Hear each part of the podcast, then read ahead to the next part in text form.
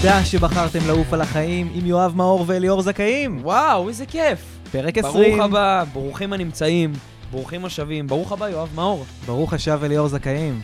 מה שלומך? איך אתה מרגיש? תגיד לי. שלומי נהדר, מה שלומך? אני שש, שמח ונרגש לקראת פרק 20. לא, לא, לא מעכל. 20 פרקים, חברים, והכל... זוכר שהתחלנו את הדרך רק. שרק התחלנו, ולא האמנו שב...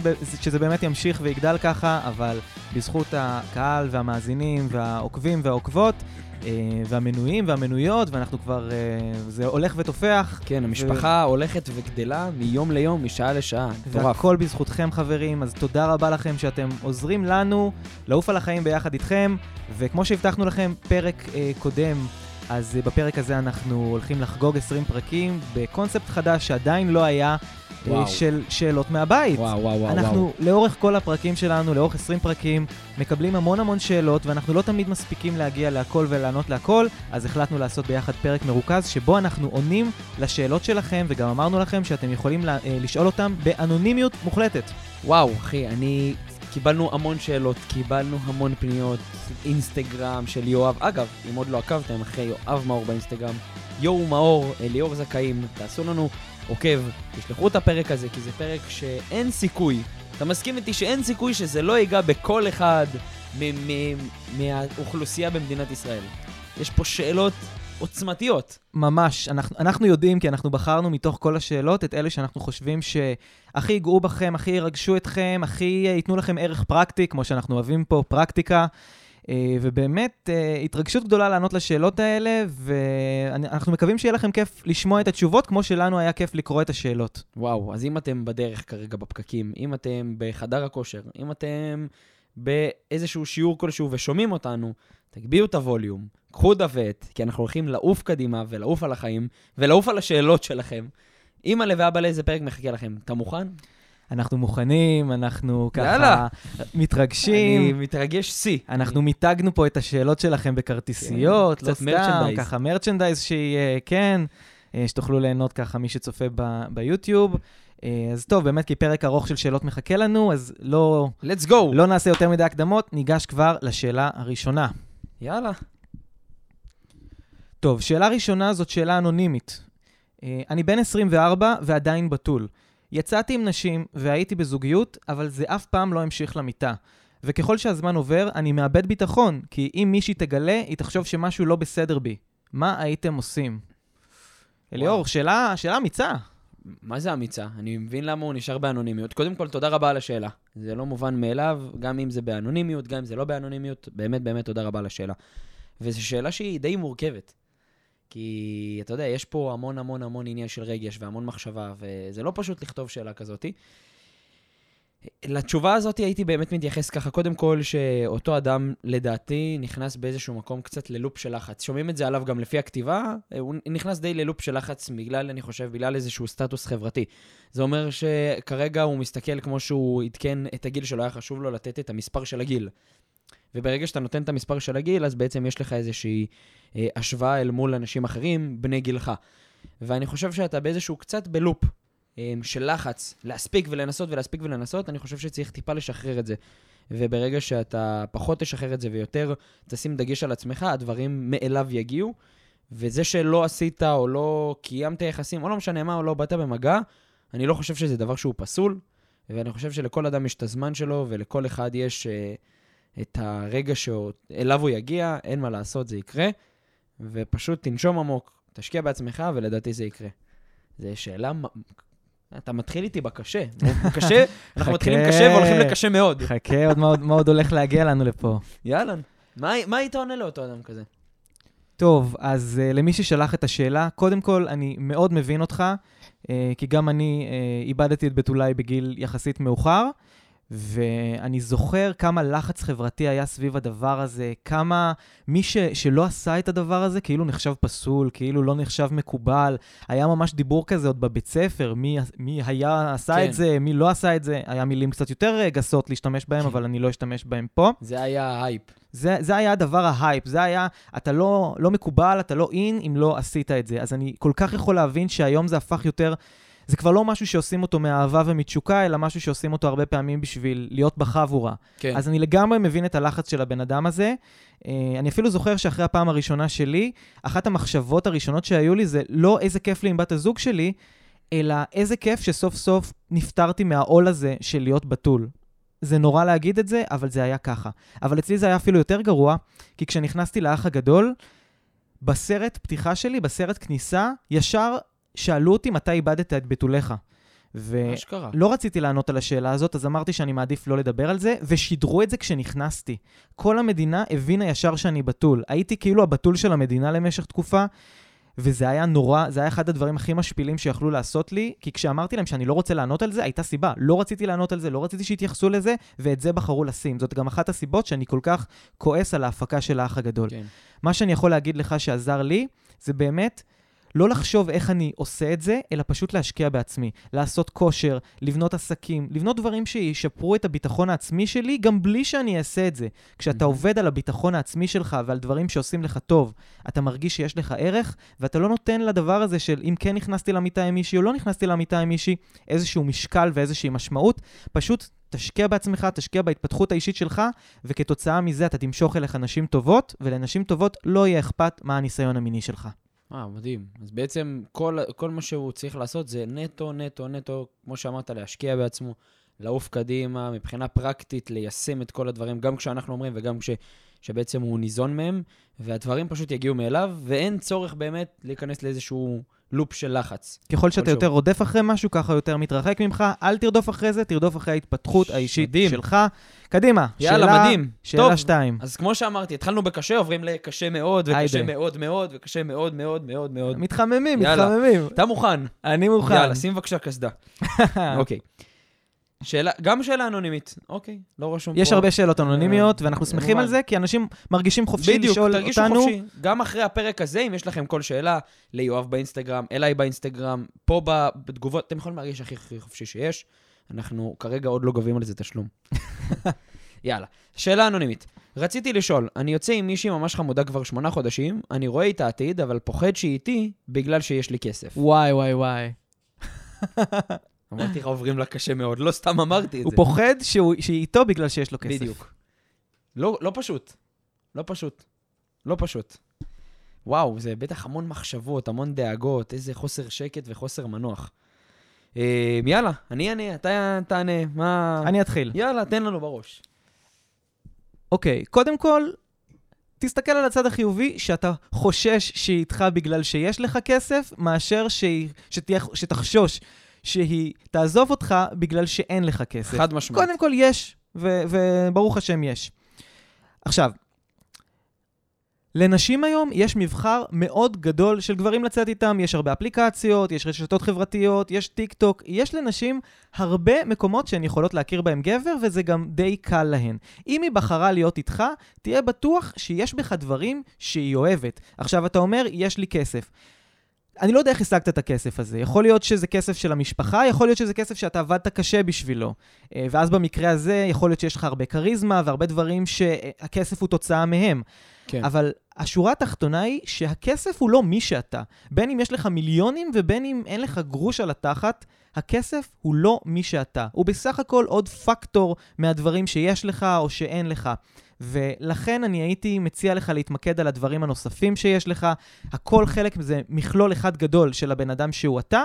ואם היא בוחרת להיות איתך, תהיה בטוח שהיא יכלה להיות עם הרבה אחרים, היא בחרה להיות איתך מהסיבות שלה, מהסיבות האלה. תן לעצמך קרדיט, אני מבטיח לך שזה לא רק בגלל הכסף. זו התשובה שלי. מדהים. אליאור, מה אתה היית מדהים, עונה? מדהים. קודם כל, מדהים. אני, אני באופן אישי לומד ממך, מדהים. אה, מטורף, ואני לגמרי מחזק ומסכים את הדעה שלך. אני פשוט הייתי אומר לעשות דבר כזה. קח את הבת זוג, תגיד לה שכרגע אנחנו מצטמצמים. מה זה אומר? שאנחנו אולי פחות יוצאים, פחות מבלים, פחות uh, מבזבזים כסף, ופחות עושים את הרכישות הקבועות שלנו. Uh, ויותר עוברים לדברים שהם ביחד, יותר ביתיים, בין אם זה ארוחה ביתית, בין אם זה, לא יודע, פיקניק כזה, whatever.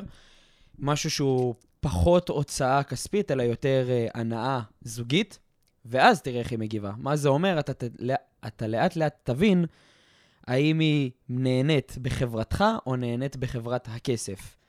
אני, אני, אני מאחל שהתוצאה תהיה טובה, ואם לא, אז uh, קיבלת גם שיעור. אבל כמו שיואב אומר, ואני מחזק לגמרי, באמת הכסף, בגד, שעון, לא, לא, וואטאבר, רכב, זה באמת תוצאה של מי שאנחנו.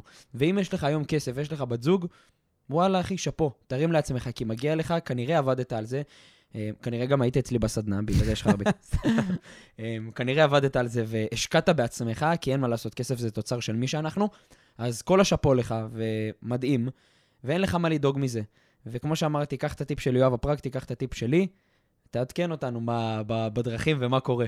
אני אוסיף על מה שאמרת, אנחנו נכנסנו עכשיו לתקופה שהעלו את הריבית, יש אינפלציה, אנחנו בתקופה שאפשר לקרוא לה משברון כלכלי, לא משבר כמו הקורונה, אבל משבר כלכלי. אתה לגמרי יכול לבוא ולהגיד לה, ואני מחזק את אליאור, צריך להצטמצם קצת, ההשקעות קצת ירדו, הכסף קצת ירד, לא בטוח מה מידת היציבות שיש כרגע, אה, צריך קצת לעשות יותר ערב איכותי בבית, פחות יציאות, פחות טיסות. אם היא אוהבת אותך ולא בגלל הכסף, היא תקבל את זה, והיא אפילו תראה בזה הזדמנות לחיזוק הקשר. מדהים. חד משמעית. זה א', זה יכול להוציא מכם הרבה יותר, או להביא למצב שאתה מקבל נתונים. האם אתה מוכן? אנחנו הולכים בד... לעלות בדרגת הקושי. יאללה, יאללה. אני אומר לך, אנחנו... שאלה שלוש. זה לא, זה לא פשוט, הדברים האלה. שאלה שלוש. שאלה אנונימית. בלי להשוויץ, אני נראית טוב ואני יודעת את זה. אני מכירה המון בנות שעושות מלא כסף ב-only fans, ואני יודעת שאני יכולה לעשות מיליונים שם. אני לא תמימה, ויודעת שלא כל הנוצאת זהב.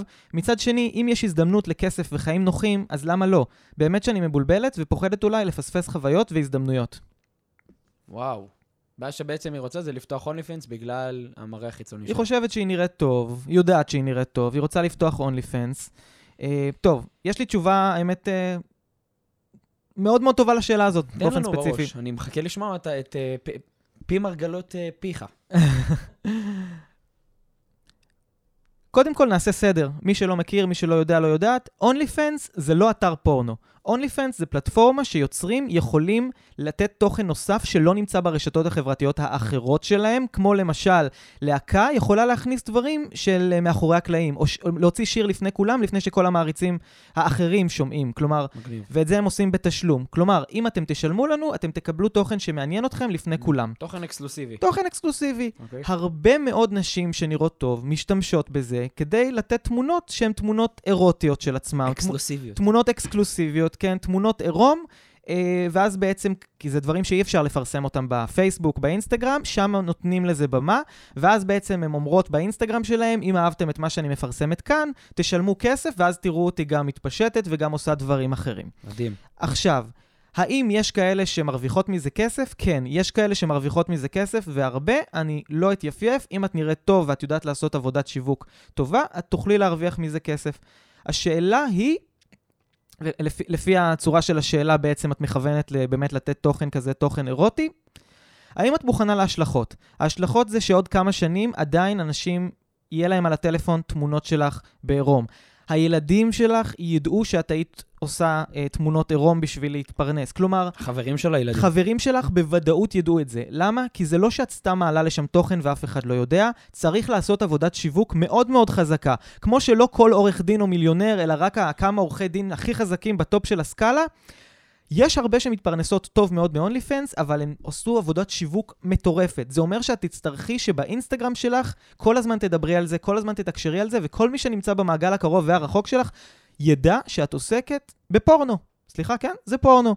אז האם פורנו רווחי? כן, פורנו יכול להיות רווחי. האם ההשלכות של זה שוות את זה? לפי דעתי, הן לא שוות את זה. לפי דעתי זה נזק חברתי ונפשי גבוה מדי, ויש הרבה מאוד דרכים היום לעשות כסף שהן...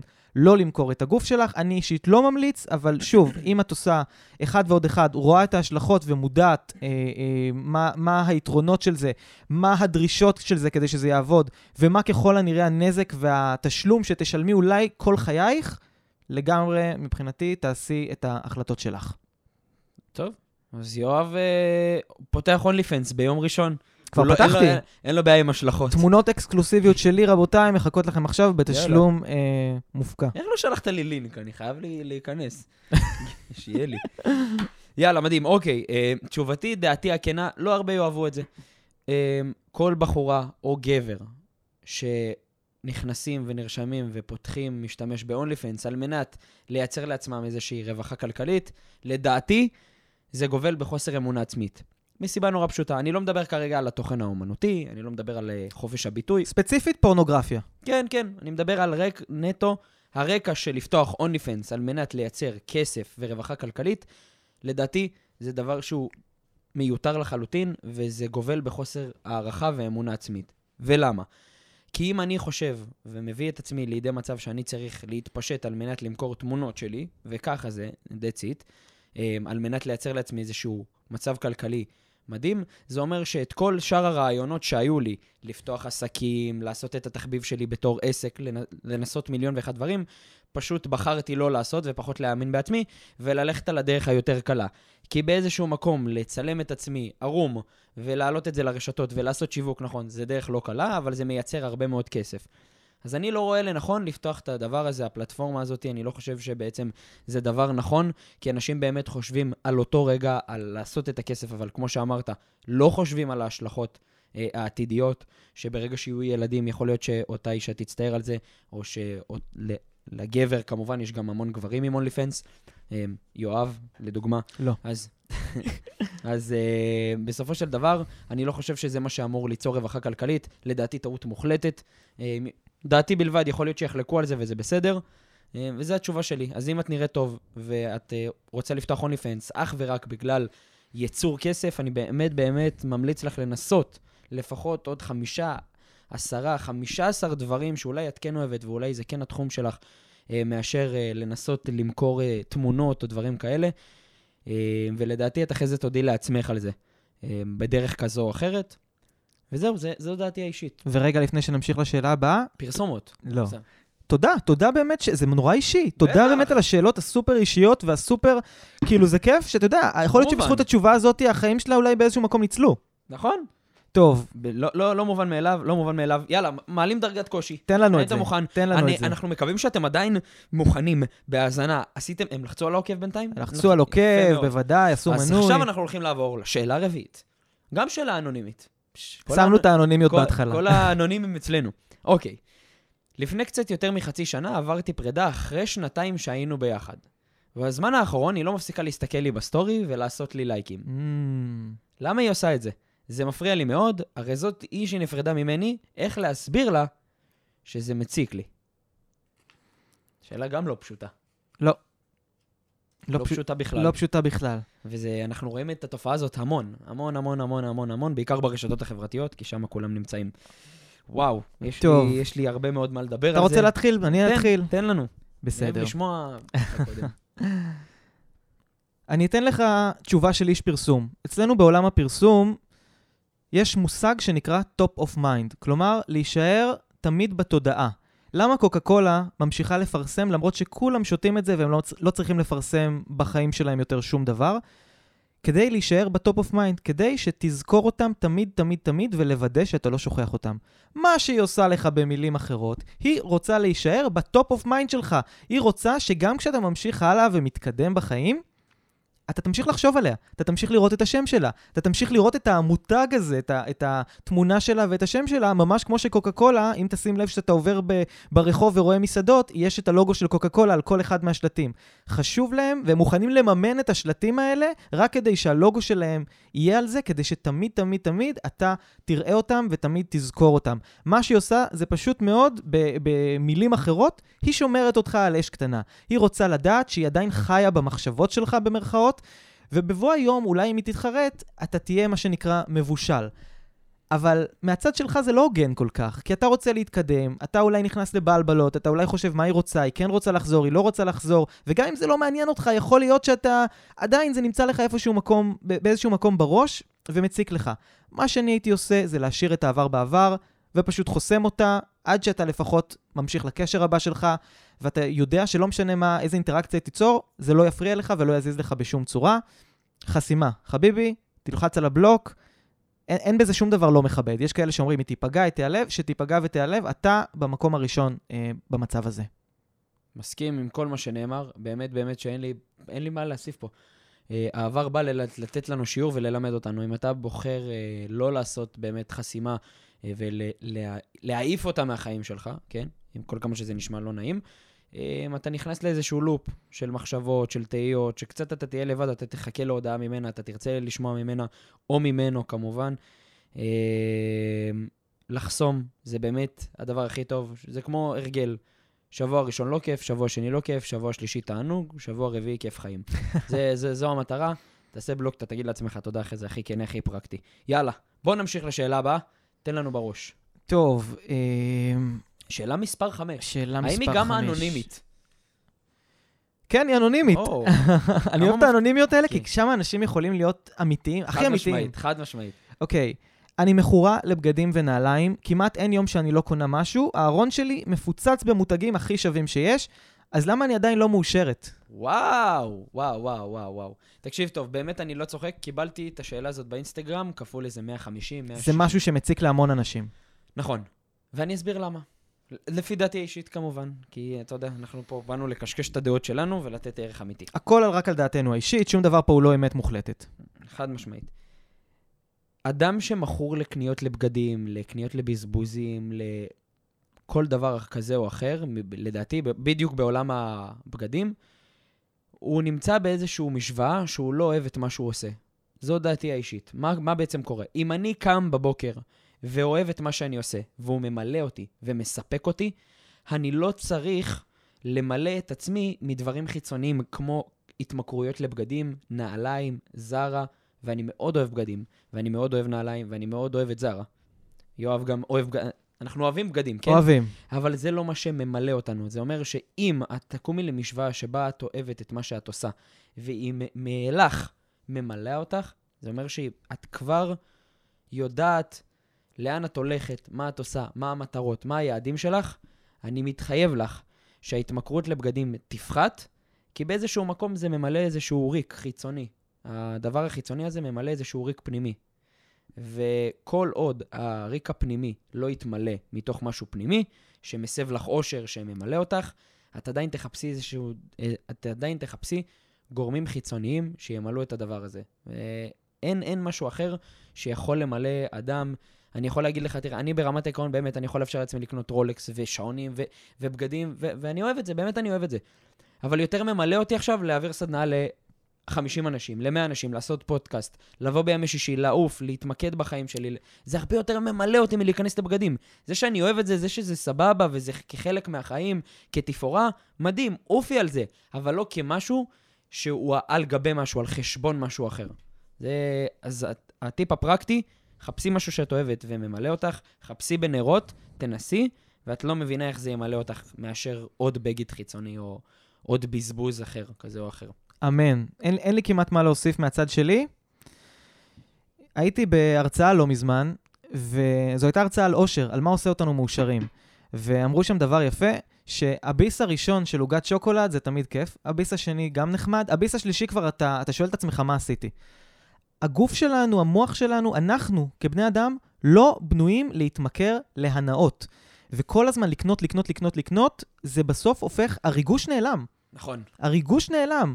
אז אני מציע שתסתכלי רגע, וכמו שאליאור אומר, לראות מה באמת ממלא אותך בחיים, ו- ולא לנסות לפצות על איזשהו, איזושהי ריקנות פנימית באמצעות רכישות חיצוניות.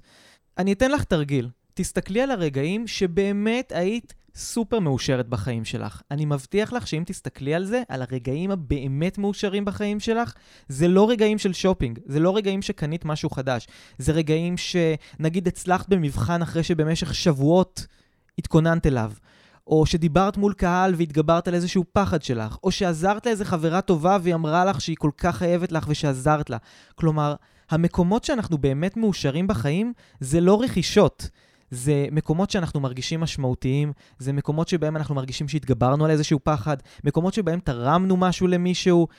אנחנו בכלל כ- כ- כחברה, אנחנו בנויים להיות מתוגמלים על לעשות משהו טוב למען החברה שלנו. זה מה ששמר עלינו כ- כ- כאנושות במשך כל כך הרבה אה, עידנים.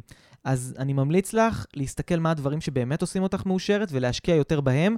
ואני יכול להגיד לך שגם אני מאוד אוהב בגדים, אוהב שופינג, אוהב שעונים, אוהב מכוניות. גם אני, גם אליאור, אנחנו אוהבים את הדברים לגמרי, האלה, לגמרי. אבל הרבה יותר עושה אותנו מאושרים. לענות לאנשים כמוך, לעזור לאנשים. אנחנו משלמים, באמת, הפודקאסט הזה עולה לנו יותר מכל מסע שופינג, אבל אנחנו כל כך לא מתחרטים על שקל אחד, כי אנחנו רואים שאנחנו עוזרים לאנשים כמוך, כי זה התגמול שלנו, להרגיש עוזרים, להרגיש משמעותיים. את יודעת מה? לכי תתנדבי איפשהו, תקדמי איזשהו משהו שחשוב. לך, את תרגישי כמה את מועילה, ולאט לאט תרגישי איך החשק הזה לשופינג יצטמצם. זה לא אומר שכשתראי חולצה יפה לא תרצי לקנות אותה, אבל את לא תהיי חייבת את זה. כן, לא יהיה את הגירוי. ת- תקשיבי, ת- את לא תתקשר לחברה שלך, תקשיבי, אנחנו חייבות ללכת לקניון. זה לא יגרד לך ב- בעור בלי. שתוכלי לישון בלילה. יאללה, עולים ברמת הקושי. קדימה, יאללה. שאלה הבאה. יאללה. שאלה מספר 6. אני מת להפסיק לעשן וויד, אבל כל פעם שאני נפגש עם החברים, אני מעשן גם. מה אתם הייתם עושים? אה? מה אתם הייתם עושים? חזק. מה היינו עושים? יואב מאור, מה היית עושה? שאלה גם לא, לא פשוטה בכלל, כי אנחנו רואים שזה נפוץ היום. אנחנו רואים שהמון אנשים מעשנים וצורכים את זה, גם עם, גם עם צורך רפואי וגם בלי צורך רפואי. תראה, אני חושב שזה די דומה, כי פה אנחנו מדברים על התמכרות לוויד, שאלה קודמת דיברנו על התמכרות לשופינג. נכון. זה הכל סביב אותו עולם תוכן של, וזה מדהים באמת לראות כמה אנשים חווים את הדבר הזה. זה הכל סביב להסתכל, מה באמת בחיים שלך אני רוצה לתקן. כלומר, אם בן אדם מרגיש לא טוב עם עצמו, הרבה פעמים הוא ינסה להביא את, ה- את האושר הזה ממקור חיצוני, בין אם זה שופינג, בין אם זה שחטה. אז אני מציע לך להסתכל, מה אתה לא אוהב בעצמך, וכל אחד יש משהו שהוא לא אוהב בעצמו, גם אני ואליאור. מסכים, חד משמעית. כלומר, אם למשל אתה לא אוהב את איך שאתה נראה, אז לנסות להתחיל לעשות כושר. אם אתה לא אוהב את העבודה שלך, לראות איך אתה מייצר לעצמך אה, אה, מסלול קריירה שאתה יותר מתחבר אליו. כלומר, תסתכל מה בחיים שלך צריך לתקן ותטפל בבעיה, לא בסימפטום. אוקיי? זה, זה, שורה תחתונה, השחטה הזאת היא בסוף אה, פשוט נועדה לפצות על משהו, וזה רק פלסטר, אז תטפל במה שגורם לפצע ומה שגורם למחלה, לא בפלסטרים האלה, הם בסוף רק גורמים לנו להרגיש פחות טוב. אליאור. תשובתך. מדהים. אני הייתי הולך מהכיוון ההפוך. תראה, אדם בממוצע, בעשר שנים מוציא בין 100 ל-250 אלף שקל רק על וויד. זה אומר שאם עכשיו הייתי מביא לפה שטרות של 200, הכל היה כבר נוזל מרוב כסף. וואו. עכשיו אני אוהב להסתכל על התוצאה הסופית. אם אתה כרגע היום מעשן וויד ואומר לעצמך, טוב, עוד יום, עוד, זו, עוד יום אני אתן, עוד שחטה, עוד זה, פה אני אפסיק מחר, בולשיט. אתה, אתה צריך להסתכל על התוצאה הסופית. עוד עשר שנים, האם זה היה משתלם להוציא רבע מיליון שקל על וויד? האם זה היה משתלם? התשובה היא חד משמעית לא. ואני לגמרי מבין שזה קשה וזה, וזה בלתי נמנע, אבל עצם העובדה שזו הסביבה שלך, אין, אין, אין אופציה אחרת מאשר להחליף סביבה. וכמו כל דבר, בהתחלה זה לא כיף, וזה לא נעים, וזה באסה, וזה קצת בדידות. אבל אחרי זה אתה תגיד לעצמך תודה, לא יום, לא יומיים, כל החיים. כי להוציא רבע מיליון שקל על משהו שהורס לך את הבריאות וגורם לך לשחיקה של הריגוש, זה לאו דווקא שווה. אגב, המון אנשים מתלוננים על זה שיקר פה, אבל אם מסתכלים על עשר שנים להוציא 100, 200, 300 אלף שקל על סמים, זה הדבר היקר. ואם תיקחו את זה ותורידו את זה רגע לרמת הפרקטיקה ותבינו, בואנה, זה לא משתלם הדבר הזה, גם מבחינה רפואית, אבל עזוב, אני לא רופא וגם לא מבחינה בריאותית, כי אני לא מבין בתחום ואני לא רופא, אבל אני מבין בכסף. ובכסף זה, זה הדבר הכי לא משתלם שיש, ואני לא רואה לנכון למה לעשות את זה, וגם אם אתם כרגע חווים קשיים, יש המון דרכים לפתור המון בעיות, כמו לדבר עליהם, כמו ללכת לטיפול, וכמו להתפתח באופן אישי. הוויד זה המפלט האחרון של האדם. זו התשובה שלי. אהבתי שאתה הבאת את זה באמת מהמקום הכלכלי, הפרקטי, וזה נכון אגב גם לגבי סיגריות. כמה אנשים, וואו, כמה וואו. כסף אנשים מוציאים על סיגריות, זה, יואו. זה באמת, אני מבטיח לך ש... וסליחה, באמת, אם אני אלך עכשיו למחאת אוהלים שיש כרגע על הנדל"ן, אני מבטיח לך שלפחות שליש מהם זה אנשים ששורפים אלפי שקלים מסכים. בחודש על סיגריות. מסכים. מסכים. אגב, במחאת האוהלים ברוטשילד כרגע, יושבים אנשים, ואני לא אומר את זה סתם, כי גם הלכתי כמה פעמים ובדקתי, וגם כשהייתי קטן הלכתי ב-2011 וראיתי מה קורה שם. יושבים שם, יושבים שם המון אנשים שאוכלים בחוץ, שצורכים המון ווי- וויד. לא כולם, אני לא מכליל לא 100%, אבל 70-80% מהם צורכים וויד, והם אוכלים המון בחוץ, פיצות ודומינוס וכאלה, ו- ו- וזה מדהים, כאילו, שיאכלו והכול. אבל אתה לא יכול לבוא ולהתלונן על יוקר המחיה בו בזמן שאתה לא לוקח אחריות על עצמך, נקודה. הכל עניין של תעדוף. חברים, כסף, אם יש לכם קורת גג, יש לכם אייפון, יש לכם אינטרנט בבית, כסף זאת לא הבעיה שלכם. יש לכם אייפון. פעם זה היה, יש לכם מיטה לישון בה, יש כרית. היום זה יש לכם אייפון. טוב, הם צריכים לה- להאזין לנו איכשהו. יאללה. טוב, עולים שאלה הבאה. ברמת הקושי, תן לנו יואב. אוקיי, עכשיו זה גם לא שאלה אנונימית. הופה. נווה שואל, האם עשיתם תואר? אה, נענה לו על זה ביחד. אתה מוכן? נענה לו ביחד. יאללה, שלוש, שתיים, אחד. לא. חד משמעית לא. לא עשינו תואר.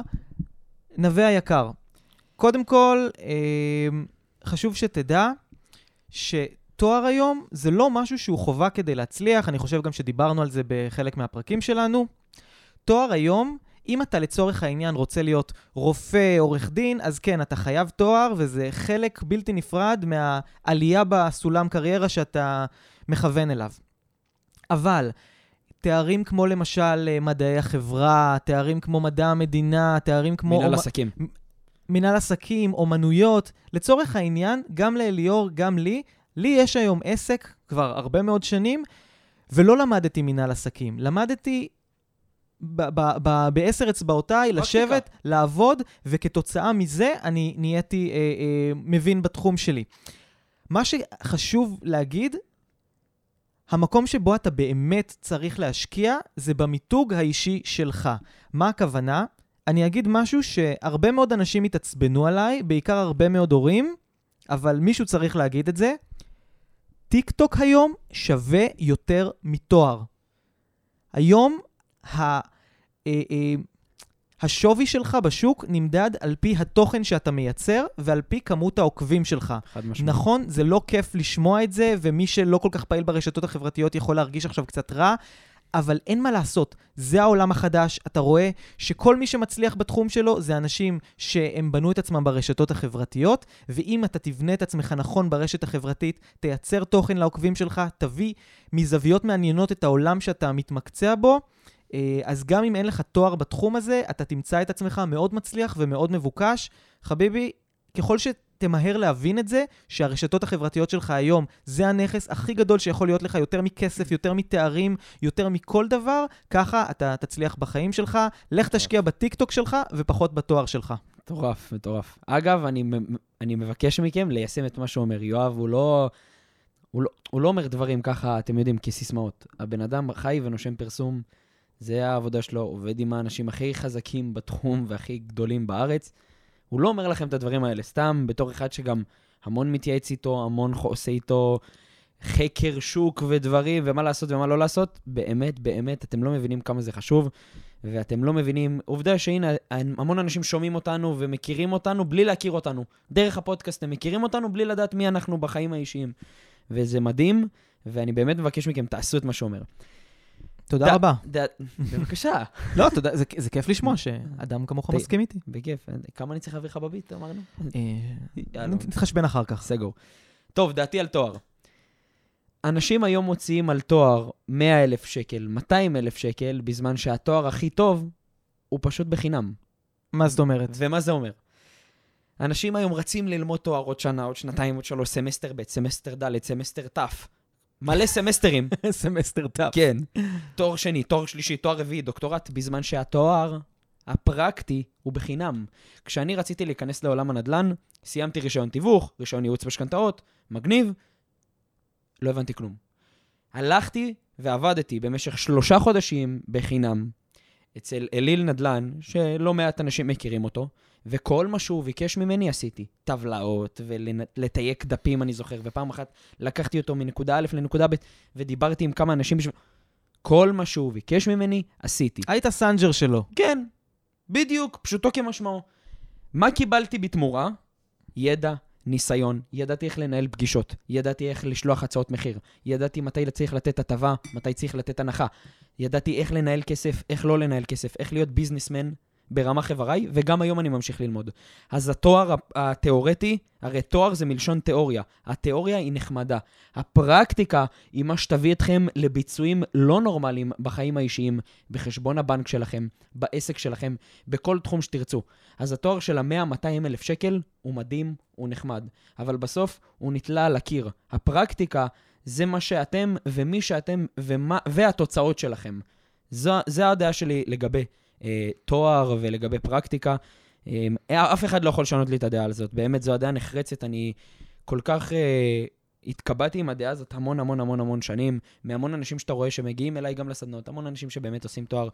אה, תראה את המורים היום, תראה, כאילו, באמת הם חווים אכזבות מטורפות בגלל איזשהו... זה, לעומת מור... מורות פרטיות שיש להן אה, ביזנס של בתי ספר פרטיים שעושות מיליונים, ובחורות של לק ג'ל שנוסעות על S-Class ומיליונריות היום בלי שום תואר. אז התואר הוא לא אה, מדד להצלחה, אה, וזו דעתי האישית. אלא אם כן אתם באמת, כמו שיואב אמר, הולכים להיות רופאים, עורכי דין, רואי חשבון וכדומה. מקצועות מדעיים כאלה, או מקצועות מאוד מאוד מדויקים, שאתם צריכים משהו מאוד מאוד ספציפי כדי להתקדם בהם. מדהים. אני אוסיף על מה שאמרת, דיברת באמת על זה שהדרך הכי טובה ללמוד זה הפרקטיקה. אתה, אתה ראית פעם תינוק שמנ, שמנסה ללמוד ללכת ואומר, לא, כנראה לא אצליח, אני אולי צריך לעשות תואר בהליכה. לא, עוד, עוד לא לא. הוצאתי תואר בהליכה, אז אני, אני אחכה עם זה כרגע רגע. עוד אני- לא, לא מכיר כאלה. לא, כי כשאנחנו ילדים אנחנו פשוט מנסים ו- ונכשלים וקמים עוד פעם וככה אנחנו לומדים. באיזשהו שלב אנחנו לא, לא פועלים, כי לא, אני צריך ללמוד את זה, אני צריך את התיאוריה, אני צריך את זה. חבר'ה, תיאוריה זה, זה באמת, זה... זה, זה, זה, זה, בזבוז. זמן, זה תיאוריה, נו, תיאוריה. בדיוק. אף אחד לא באמת, לא, לא, לא הפך להיות שחיין מלראות סרטונים של אנשים. שוחים. כך- קופץ למים. נכון, כמו תיאוריה ברכב נהיגה, קודם כל אתה עושה את המבחן התיאורטי בתיאוריה, אחרי זה איפה אתה לומד לנהוג? בתוך האוטו עם המורה נהיגה, מתחיל, עושה ברקס, הורג חתולה, מוריד עץ, לאט לאט אתה לומד לנסוע. בדיוק, יאללה, בדיוק. מדהים. להשתדל לא להרוג. פרק הבא בנושא זהירות בדרכים עם אליאור זכאי. יאללה. שאלה הבאה, אתה... הופה, גם לא שאלה אנונימית. אוקיי. ראיד היקר שואל אותנו, שאלה קצת... אה, רייד, איזה כיף שגם, שגם החברה הערבית מאזינה לנו. וואו, תשלחו את את הפודקאסט הזה כבר. על איזה אוטו אתם נוסעים? במקרה שלך באיזה אוטו דורסים חתולות. כן, בדיוק כמו... אלא אם כן לא עברתם תיאוריה. על איזה אוטו אנחנו נוסעים, יואב מאור? טוב, אה, האמת שזה, אני, אני יכול להבין אם האנשים כשרואים אותנו, זה נראה כאילו אנחנו נוסעים באיזה פרארי, למבורגיני וזה. אה, ובאמת, גם לאליאור, גם לי, לשנינו היו, היו הרבה רכ, רכבים, היו לנו גם רכבי יוקרה. כן. אה, באיזשהו שלב באמת שאנחנו הבנו שזה לא מה שמסב לנו את האושר, בהמשך לשאלה של מי שאמרה, אני כל הזמן קונה, קונה, קונה ואני נכון. לא מאושרת, הבנו שלהשקיע את הכסף שלנו על רכבי יוקרה זה נחמד, אבל להשקיע אותו על פרקטיקה ועל ידע ועל אה, קורסים ועל הרצאות ועל לייצר פודקאסטים, זה המקום שבו אנחנו רוצים להשקיע את הכסף שלנו, זה מייצר לנו הרבה יותר אושר והרבה יותר עונג, ובגלל זה היום אנחנו נוסעים על רכבים די פשוטים. כאילו, לא יודע, אה, צריך ל- לנקוב איזה רכבים, אבל לא רכבים שאתם תסתכלו עליהם ברחוב ותגידו, וואו, בדיוק. אה, זה, מ- מ- מנכ"ל העולם נוהג בדבר הזה. כן, בדיוק. אנחנו כפשוטי עם, אנחנו אוהבים את זה ואנחנו רוצים להמשיך להישאר ככה. אגב, אני לא פוסל נגיד, אני, אני לא פוסל בכלל, כי האוטו שלי מתחיל קצת לעשות בעיות וזה. לשדרג באמת לרכב חדש, קצת יותר מפנק, יותר uh, זה, אבל שוב, זה לא משהו עכשיו ש, שהוא עכשיו, uh, עולם התוכן אה. שלנו זה רכבים. אה, בוגטי שדיברת איתי עליה? זה- לא, אסטון מרטין. אה, סבבה. קצת פחות מהבוגטי, אבל חמודה לאללה, נכון? פשוטה. אהבתי פשוטה. מאוד. יאללה, תן לנו בראש. טוב, שאלה, הלוואי זה גם לא אנונימי. חן כץ. חן קצה. חן כץ, גבר, אישה? זאת אישה. אישה. זאת אישה. חן היקרה. וזה גם על כסף, אז עוד יותר כיף שנשים באמת מתפתחות באמת הרבה לעולם הזה ומתעניינות בכסף, וזה לא רק, היי, גברים, כן. כסף, אה, וואו, נכון. נכון. אגב, אם יש לכם שאלות, אה, נשים, נשים, אה, שאלות על כסף, תרגישו חופשי גם. יאללה, show me the money. טוב, חן כץ שואלת, אתם כל הזמן אומרים שלא חייבים לקנות דירה, וששכירות זה לא כסף לפח. אני מנסה כבר שבועות להבין איך זה הגיוני. עדיף הרי לשלם כל חודש למשהו שבסוף הופך להיות שלכם.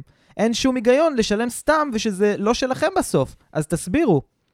וואו, אוקיי. יאללה, חן. כץ היקרה, איזו שאלה יפה. תודה רבה על השאלה, חן. באמת, באמת המון המון המון אנשים שואלים, אבל אני רוצה רגע לנפץ כמה מיתוסים ולהעביר כמה נקודות. זה בסדר, זה בסדר שאני עונה, כן? אתה... אתה לקח- איש הכסף לקח- מבינינו. לקחתי לך את המושכות. אתה המבין בכסף, ואני הפרצוף היפה. אז ככה, אני לא יודע אם ידעתם, אבל גם כשקניתם בית והתחייבתם למשכנתה, אני אחדש לכם משהו, עדיין בסוף התהליך הבית, לאו דווקא שלכם, הוא עדיין שייך לרשות מקרקעי ישראל. זה אומר שכל הקרקעות במדינת ישראל, חוץ מכמה בודדות, שייכות למדינת ישראל. גם אם הבית הוא בבעלותכם, עדיין המדינה שותפה שלכם. זה דבר ראשון. הדבר השני הוא, אם אתם לוקחים משכנתה, לעומת שכירות, תבינו שתמיד משכנתה תהיה יקרה הרבה יותר עבורכם. למה? כי אתם משלמים איזושהי ריבית מסוימת על השכירות. זה אומר שכירות פלוס ריבית. זה משכנתה, ככה משכנתה בנויה. שכירות על הבית פלוס ריבית לבנק. עכשיו, במרוץ הזמן, אנחנו בהתחלה משלמים רק את הריבית. שנה ראשונה, שנה שנייה, שנה שלישית, רביעית, חמישית, שישית. אנחנו משלמים את הריבית. עכשיו, ברגע שאנחנו משלמים את הריבית, אז הכל מתייקר כל הזמן, כמו עכשיו, והריבית כל הזמן עולה וצומחת. אוקיי, יש כמה מסלולים, לא ניכנס לזה כרגע, אבל אם אתם לא מתכוונים לקנות בית לאורך כל חייכם, וזה הטעות של רוב הישראלים היקרים שפה, הם לא קונים בית מההתחלה עד הסוף, הם כל פעם משנים, ואז כל שנה ושנה הם סתם מעלים לעצמם את הריבית כי הם לוקחים משכנתה אחרת. זה אומר שהם בלופ שכל הזמן הם משלמים את הריביות. עכשיו, לגור בשכירות ולייצר לעצמכם אחלה כסף מסביב, נגיד, של עשרות אלפי שקלים, מאות אלפי שקלים, ולהשקיע אותו, אז יש לכם איזשהו מקום שהוא קורת גג, אף אחד לא יעיף אתכם, זה סתם מיתוס. אגב, מבחינת החוק, מחויבים להודיע לכם אם מוציאים אתכם הבית, בדרך כלל 60 עד 90 ימים מראש. זה מספיק זמן ל- להסתדר ולהתאקלם. בו בזמן, שרוב הכסף ששמתם על משכנתה, נניח הוא בהשקעות, הוא מייצר עוד כסף, וככה אתם מגיעים למצב שיש לכם בסוף התהליך, אחרי 10, 15, 20 שנה, הון עצמי לא לבית אחד שלקחתם משכנתה, אלא לשני בתים. זה אחד התהליכים שאני מעביר בסדנאות שלי, בלי קשר, אז אני ממליץ. אם אתם כרגע במצב שאין לכם כמה מאות אלפי שקלים מאוד חזקים ויציבים לקחת משכנתה, מבקש מכם, אל תיכנסו ללחץ הזה. כנסו לשכירות, תראו איך אתם מתאקלמים מחוץ לבית, תראו איך זה עובד לכם, תראו שאתם יציבים כלכלית, תעשו תחשיב נכון עם יועץ חזק וטוב, ופשוט תעשו את המהלכים שלכם אחרי זה, אחרי שאתם שקולים יותר וחכמים יותר. בסדר? תשובה יפה מאוד, וגם אני השכלתי. יאללה, מדהים. אני אספר ש... זה כיף. בתחילת תקופת הקורונה רציתי משהו יציב בחיים שלי, נלחצתי ככה מהסיטואציה ואמרתי שאני אקנה דירה. ולא היה לי הרבה הון אה, נזיל עליי, אז אני התכווננתי לדירה שעולה כמעט מיליון וחצי, קצת יותר ממיליון וחצי, והייתי אמור להביא אה, מיליון שקל במשכנתה. כלומר, היה לי סדר גודל של חצי מיליון שקל אה, לשים והשאר במשכנתה. כשבאתי לחתום על המסמכים, באותו רגע גיליתי שאני לא הולך לשלם על זה מיליון וחצי על הבית, אני הולך לשלם שני מיליון שקל. מאיפה נולד חצי מיליון שקל? זה הריבית, זה העלות שאני משלם לאורך התקופה לבנק על זה שהוא נותן לי את הזכות לקנות את הבית עכשיו. אז אני יכול שיהיה לי בית עכשיו, אבל זה יעלה לי חצי מיליון שקל יותר ממה שזה היה עולה לי אם לא הייתי לוקח את המשכנתה. אז אני לא נגד קניית דירה, אבל אני כן נגד קניית דירה כשאין לכם את הכסף ואתם תשלמו כל כך הרבה כסף רק על הזכות להגיד שהבית הזה הוא שלכם. כן. חברים, זה הכסף לפח. כי תחשבו על החצי מיליון שקל האלה, כשביטלתי את העסקה, בעצם חסכתי לעצמי עוד חצי מיליון שקל. נכון שזה חצי מיליון שמשלמים אותם לאורך 30 שנה, אבל עוד 30 שנה, אם יהיה לי חצי מיליון שקל, מה, זה טיול בעולם. זה... מי אמר, מי אמר שהחצי מיליון לא יהפכו להיות מיליון במקומות נכונים? בדיוק, אני יכול לשים את הכסף הזה ולהשקיע אותו במקומות אחרים, אני יכול לפתוח חברה חדשה, אני יכול להשקיע במניות, אני יכול, יש כל כך הרבה אפיקים, כל כך הרבה דברים. השורה התחתונה הוא שחינכו אותנו ששכירות זה כסף לפח, אבל בעצם לקחת משכנתה זה עוד יותר כסף לפח. זה הכל. חד משמעית. חד משמעית, שאלה מדהימה, ואם יש לכם עוד נושאים שלא הבנתם, תרגישו חופשי, אנחנו נעשה מדי כמה פרקים, פרק שאלות מהבית. יאללה, מוכן לשאלה הבאה? יאללה, שאלה הבאה. let's go. אוקיי. איתי אפרתי שואל, אז איתי יקר, תודה רבה לשאלה. אתם כל הזמן מדברים על השקעות. אה, בדיוק דיברנו על השקעות. אתם כל הזמן מדברים על השקעות, אבל לי אישית אין מושג בתחום הזה. אשמח שתסבירו לי על זה יותר, איך משקיעים, איפה אפשר, תנו כלים פרקטיים על הנושא. מדהים. מדהים, מדהים, מדהים, מדהים. יפה מאוד, שאלה חשובה, וגם אני, האמת, נשאל המון על זה. כן? אני חושב שבעניין הזה עדיף לי לתת לך לדבר, כי אתה באמת מתעסק בזה ביום-יום, אני קצת פחות בעניינים, יש לי יועצי השקעות חיצוניים, יש לי כל מיני אנשים שמטפלים. אתה מייעץ לאנשים על כל מיני דברים בסגנון, הבמה שלך. יאללה, באהבה, באהבה ענקית. גם יואב מבין קצת בתחום, אל ת... תמית מערכך. אבל קצת. עושה, עושה, עושה חיל. אוקיי. אה, אז ככה, אני באמת אתן כלים פרקטיים, אני באמת אה, אשמח שתרשמו אותם. נקודה ראשונה, לא להתייעץ עם אנשים בקבוצות פייסבוק. אני מבקש מכם, אני רואה את התופעה הזאת וזה מגרד לי בגוף. אני אתן לכם דוגמה. אדם שואל, יוסי לצורך העניין, איתי, תחשוב שאתה עכשיו היית לוקח את השאלה ושואל, יש לי 100 אלף שקל בעובר ושב, מה כדאי לי לעשות? אני הולך להתחתן עוד שלוש שנים. פתאום 350 תגובות, כל אחד יועץ, תקשיב. וואי וואי וואי. 10% למניות, 30% לקריפטו, משם אתה לוקח הלוואה לצורך מינוף, קונה שתי בתים. מהשני בתים אתה מביא מניו זילנד אי, מהאי אתה מוכר קוקוסים. דברים, אתה רואה שם דברים הזויים. בן אדם מתכנן תוכנית כספית לאדם אחר. בלי בתגו- להכיר את הבן אדם. בלי להכיר, בתגובה בפייסבוק. דבר ראשון, מבקש מכם לא להתייעץ על כסף בתגובות בפייסבוק. אני לא מבין את התופעה הזאת. זה דבר ראשון. דבר שני, מה צריך לעשות? לעקוב אחרי אנשים בטוויטר. תורידו טוויטר ותתחילו לעקוב אחרי אנשים שחיים ונושמים כלכלה. אתם יכולים לחפש פשוט השטג כלכלה, ולראות המון אנשים שמדברים על יוקר המחיה ועל אינפלציה ומה זה וכמה זה ואיך זה ואיך עושים. זה השלב השני. השלב השלישי זה ליצור לעצמכם סביבת חברים. זה אומר שאתם, אם יש לכם חבר אחד, שניים, שלושה חברים, שבא להם להתפתח איתכם, בא להם להכיר את עולם ההשקעות, בא להם להכיר את עולם הכסף, את עולם הביזנס, וואלה, לכו ביחד איתם להרצאות, לכנסים, תשמעו איתם פודקאסטים, ממש דברו איתם. יש לי אדם, מעבר ל... כאילו, יש לי חבר שאני יושב איתו מדי פעם בבתי קפה, והדבר היחיד שאנחנו מדברים עליו זה רק המצב הכלכלי. מה היינו עושים במקום? סתם, אנחנו שמים את עצמנו בנקודות כאילו, בנקודות אסטרטגיות. כאילו, אם הייתי שר אוצר, מה הייתי עושה על מנת להפחית את האינפלציה? אז אמרתי לו ככה, ופתאום הוא מביא לי טיעונים נגדיים. לא, לא היית יכול לעשות את האינפלציה ככה, כי פה ושם. ואז המוח שלכם מתפתח ומתפתח ומתפתח כמו, כמו שריר בחדר הכושר. אז תיצרו לעצמכם את הסביבה המנצחת. והדבר הרביעי, ואני יודע ששמעתם את זה מיליון פעם, בעיקר פה בפודקאסט, זה תשקיעו בעצמכם. אם אתם רואים אנשים שמלמדים, בין אם זה בקורסים דיגיטליים, קורסים פרונטליים, הכשרות, סמינרים, לא משנה מה, ואתם מתחברים לאדם הזה, ואתם רוצים לשמוע ממנו עוד, שלמו לו. האדם שאתם משלמים לו ייתן לכם את השירות הטוב ביותר, והוא רק יחסוך לכם המון זמן וכאבי ראש והפסדים. שתדעו לכם, בעולם הכסף, עדיף לשלם לאדם שספג הפסדים ויודע מה לא טוב, מאשר שאתם תספגו את ההפסדים. That's it. זה ארבעת המפתחות, ואני מקווה באמת שרשמתם את זה. אני באמת מקווה מדהים. ש... שהם ירשמו את זה. מדהים. אני לא מכיר בן אדם שמתחרט על משהו שהוא השקיע כ skill. אין skill, לא משנה כמה הוא עלה לך, או ידע שאתה מתחרט עליו.